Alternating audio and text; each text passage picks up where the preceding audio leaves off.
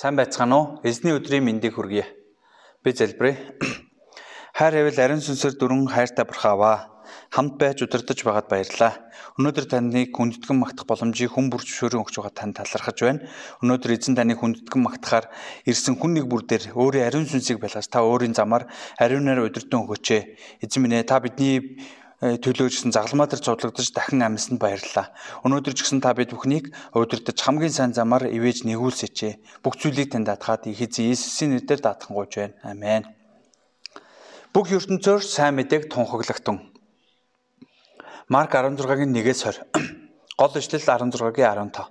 Иесус тэдэнд бүх ертөнцөөр өвж сайн мэдээг хамаг бүтээл тунхаглагтун Өнөөдрийн номлолоор дамжуулан Есүс бүх хүн төрлөختний төлөө загалмайд цовдлогдсон өгсөн боловч дахин амилсан. Тэгэд зогсохгүй бүх хүн төрлөختөнд итгэл найдвар хайрыг бүх дэлхийд дамжуулах үүргийг өөрт нь итгэгч хүмүүст өгсөн тухай билээ. Өөрөөр хэлэх юм бол Есүс бидэнд бүх үндэстэнд сайн мэдээг тунхаглал гэж гэсэн үүргийг өгч байна. Энэ үүрэг бол бид насан туршдаа хийх ёстой агуу үүрэг юм аа. Есүс бидний гмийн төлөө загалмаа дээр цовлогдсон үхснээр бид нүглийн уучлалыг авч цоошин амьдралаар амьдрах боломжтой болсон юм. Өнөөгийн нийгэм бол Есүсийг мэддэг боловч үннийг хүлээмжшөөрч чадахгүй гмийн хүлээсэнд байдаг ямар ч алсын хараагүй харанхуй цаг үе юм. Алсын хараа байхгүй бидний амьдрал давчуу амьдрах хүчгүй болдог.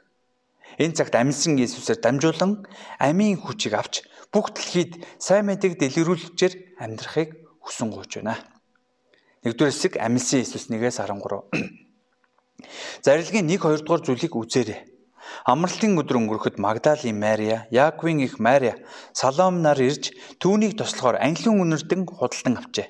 7 хоногийн эхний өдөр маш эрт нар мандахад тэд буушин дээр хурч ирэв. Хэдийгээр Иесус нас барсан ч тэд үнэнчээр Иесуст үйлчлэхээр чин сэтгэл гарган ирж байна. Тэд Иесусыг үгсэн гэдэгт үнэнхээр итгэлтэй байлаа. Иесус загалмай дээр цовлогдсон үгснээр олон хүмүүсийн худ маш уй гашууг авчирсан. Иесуст бүх хүсэл найдвараа тийм бүх зүйлээ орхин дагаж байсан олон байсан хүн олон. Тэд Иесустэй 3 жилийн турш хамт байж, хамт унтаж, хамт идэж, хамт гайхамшгуудыг үлдэж, хамт өвчнүүдийг итгэж байсан. Гэвч одоо Иесус байхгүй.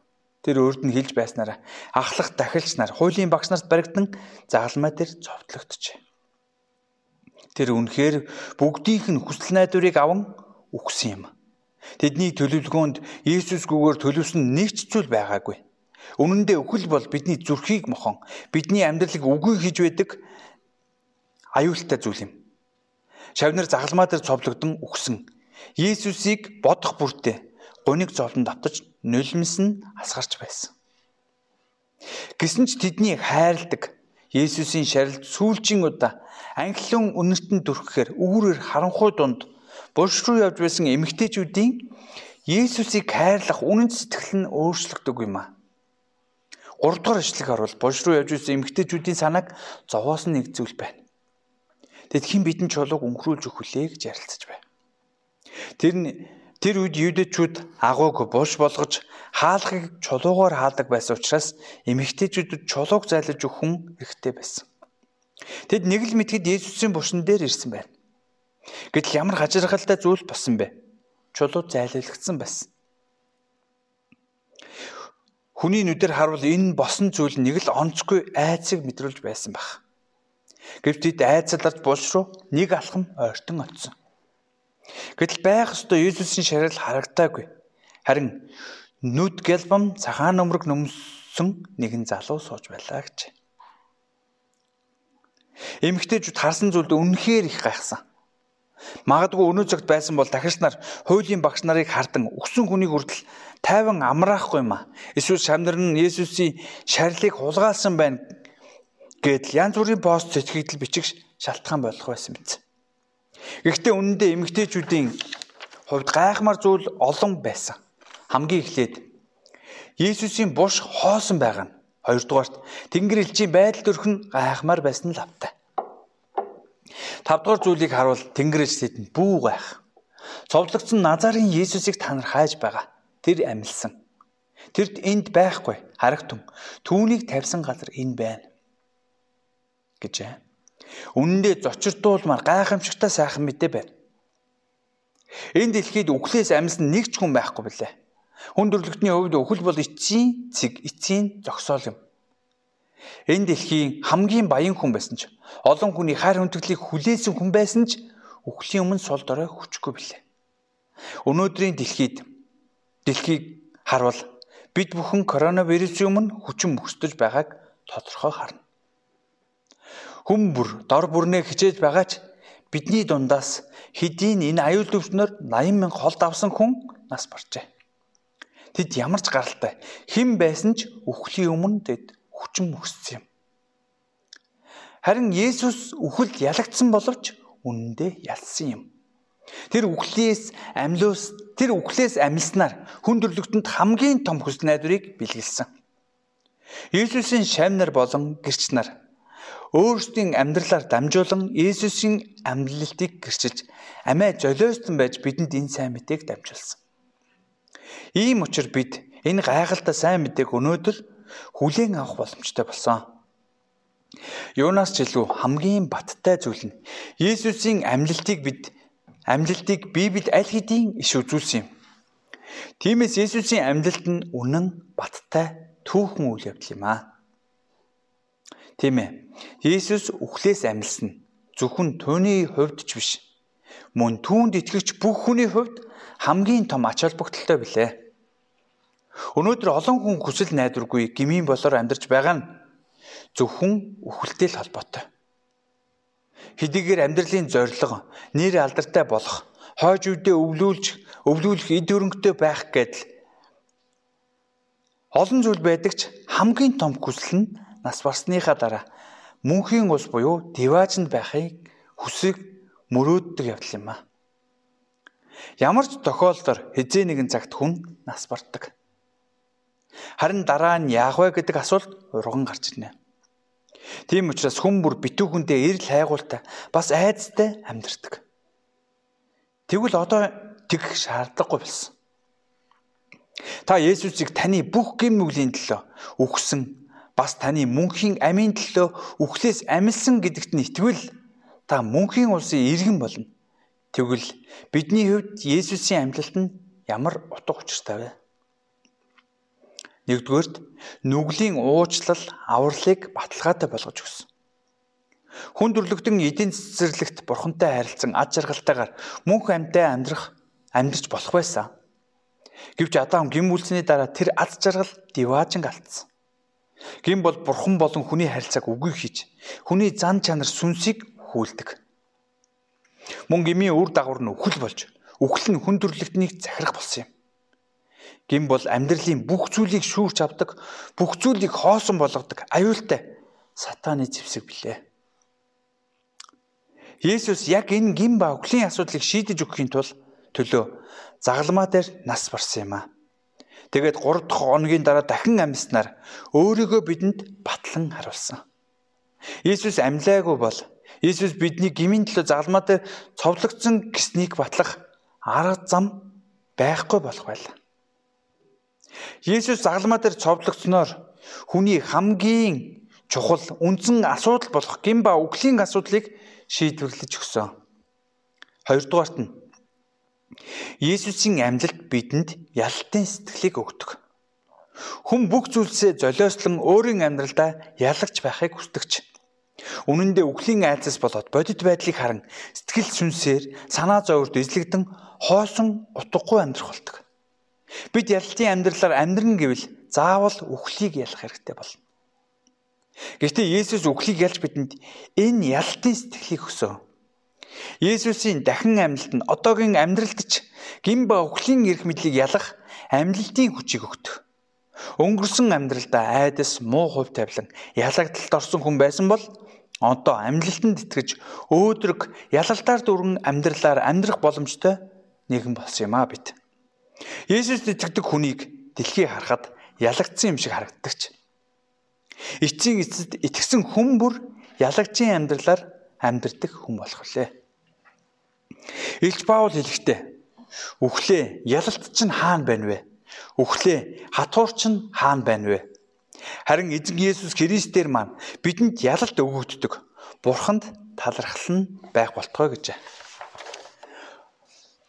Гуравдугаарт Есүсийн амьлалт бол Бурхны хаанчлалын талаарх амьд найдварыг өгдөг. Есүс амьснараа хүмүүс Бурхан руу очих шин замыг нээгдсэн юм. Есүсийн амьлалт хожим Есүс шиг бид ч бас амьлна гэсэн найдварыг өгдөг. Бид энэ дэлхий дээр бүх зүйлийг олж авсан ч өвхөл юу болох вэ? Үнэн дээр энэ дэлхийд найдвар бол бидний урмыг хугалдаг. Харин Бурхны өгсөн амьлалтын найдвар хизээч бидний урмыг хугалахгүй. Энэ найдвар нь Бурхны улсын мөнхийн амьд найдвар юм. 7 дугаар эшлэлийг үзээрэй. Тэнгэрлж эмэгтэйчүүдэд хандан. Харин явж түүний шавнарт болон Петрт тэр та нараас дөрөнд Галил руу явсан тул айлцныхын дагуу тэнд та нар түүнийг харах болно гэв гэжээ. Эмэгтэйчүүдийн хувьд энэ болж байгаа бүх зүйлс нь бүхэлдээ зүүд мэт мөн шууд хүлээн авахд үнэхээр хэцүү байсан. Тиймээс тэд үнэхээр их айсан тул буснаас гүйн зүхтаж гарсан. Айснаас нь болоод шав нарт юу ч айснаасаа болоод тэд шав нарт юу ч хэлж чадаагүй. Үүндээ хинч өмнө нь өхлөөс амьлаагүй бөгөөд энэ нь хамгийн түрүүнд сонссон эмгтээчүүдийн хувьд ойд ойнд нь буухгүй аймаар зүйл байсан. Хүн ер нь ойлгохгүй зүйлтэйгээ тулгарлбал нэг бодол маш ихээр айдаг. Нөгөө бол айхаа мэдгүй байсаар бурууг үйлдэх болдог. Яг л үүнтэй адил нэг зүйл тэдгээр эмгтээчүүдэд Яг л үүнтэй адил зүйл тэдгээр эмгтээчүүдэд тохиолдсон. Есүсийн амьлал нь аимшигтай бөгөөд гайхамшигтай хүндрэлтэн тохиолдсонд хамгийн сайхан мэдээ байлээ. Есүс өмнө нь 7 муу ёрын сүнсэнд автаж байсан Магдалийн Мариад харагдсан. Есүс булшнаас холдож чадахгүй уйлж би Магдалийн Мариад үзэгдэн. Мария гэж дуудан нулимсыг нь ачиж өгсөн. Харин Мари Иесустэй уулз мөгц зүрх сэтгэл нь баяр хөөрөөр дүрсэн. Мари гүүж очиод гуниглаж буй шавнарт энэ сэтгэл догдлон Иесусийн амьсан мэдээг дуулгасан. Иесус амьд байна.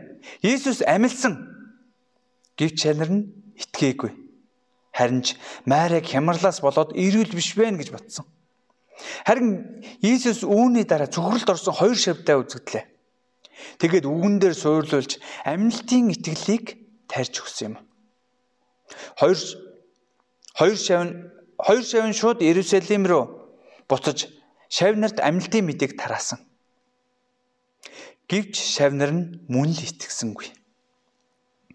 Тэд хоёр удаа амилтын мэдээг сонссон боловч итгэсэнгүй. Хүний оюун ухаанаар ойлгоход хүлээж авахд боломжгүй байсан учраас юм уу? Эсвэл хитрхи гүн хямралд орж гуниглсан учраас юм болов уу? Юу ч байж болох юм. Гэхдээ Есүст итгэхгүй байгаа хамгийн том шалтгаан нь зүрх сэтгэл нь гүжүүд хатуу байсан учраас юм. Есүсийн амьлтыг батлах олон нотлохоо ба олон гэрс нар байсан учраас шавнар итгий гэвэл хизээч итгэх боломжтой байсан. Гэвч хичнээн олон нотлохыг харуулсан ч итгэхгүй гэж шийдсэн хүн итгэх боломжгүй. Итгэхгүй нь баримт налхоонд асуудал нь байдаг юм биш.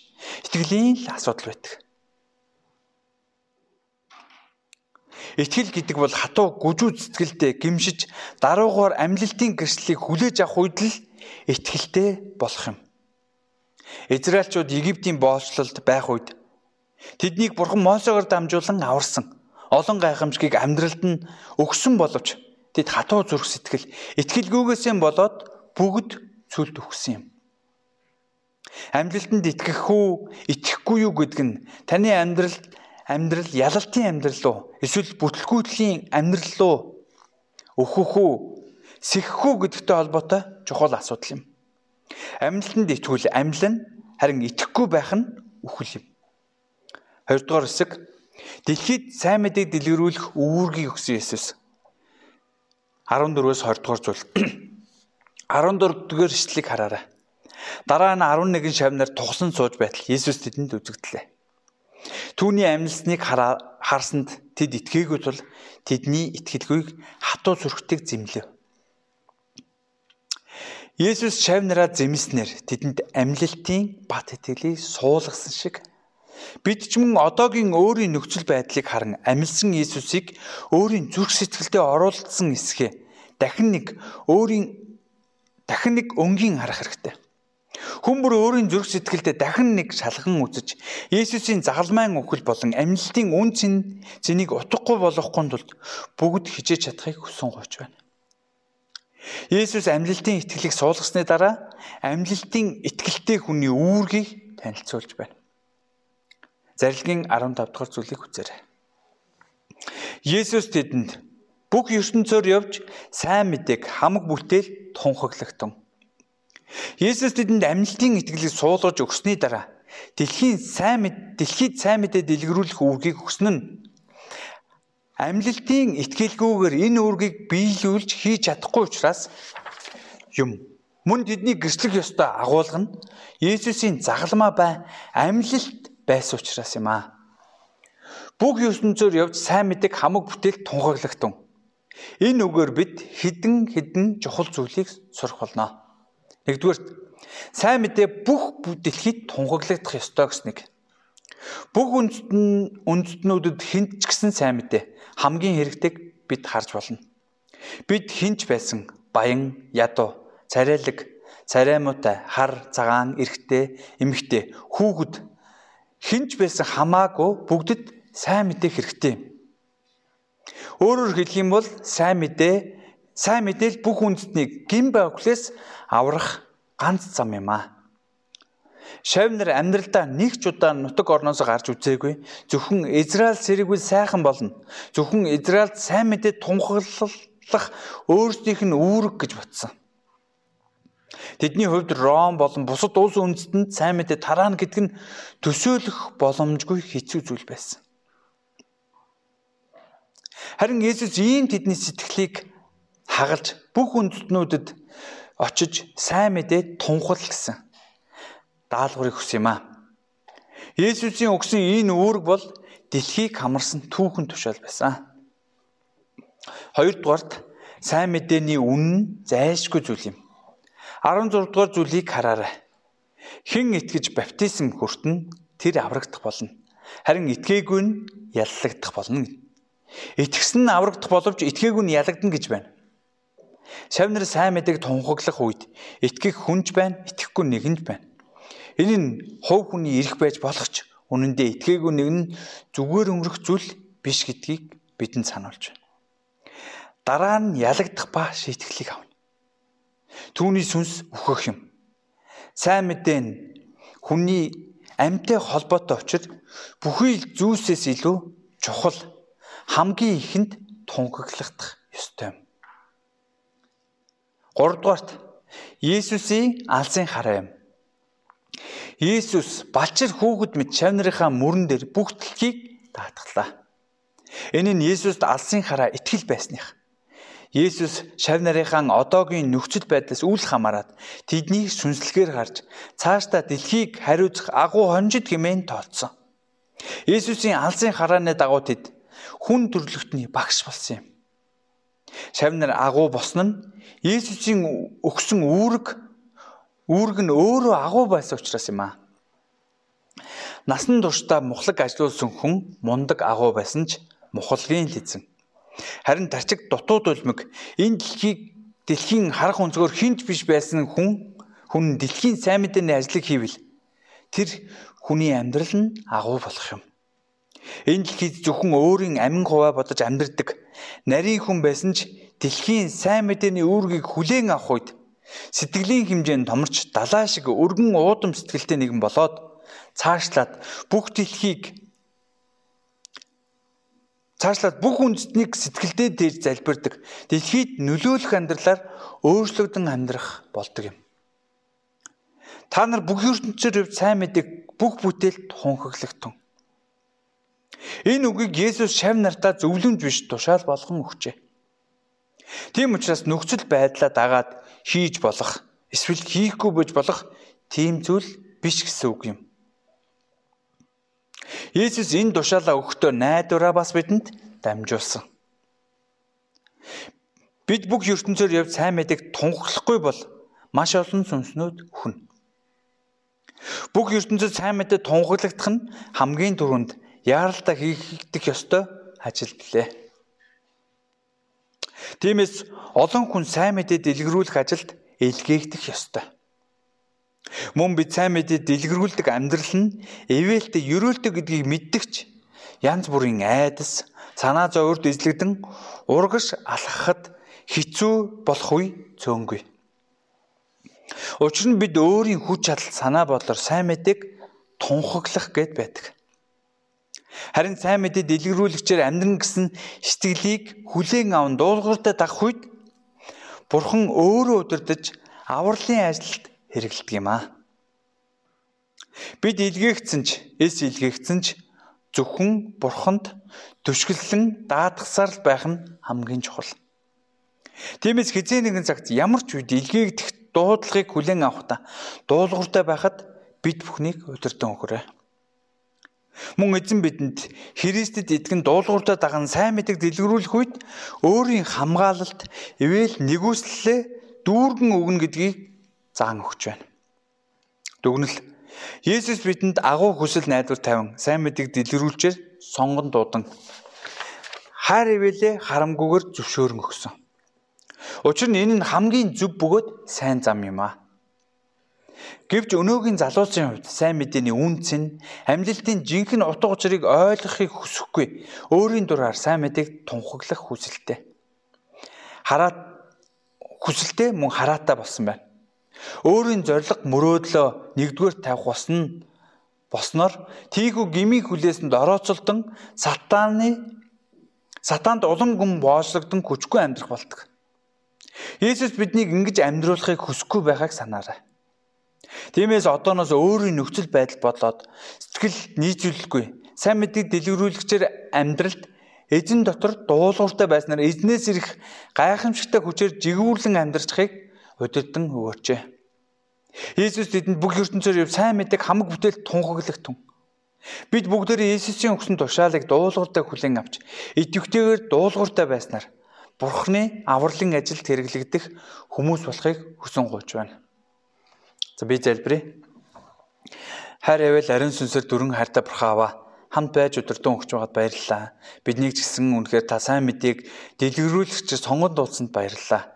Мөн та өөрийн ариун сүнсээр бид бүхнийг ч удирдах бүх зүйлийг зөвхөн таны ялрын төлөө хийдэг байхад удирдах өгөөч гэсэн гуйж байна. Энэ цаг мөчийг удирдан өгсөнд баярлалаа. Бүх зүйлийг танд даатгаад Иесусийн нэрээр гуйж байна. Амен.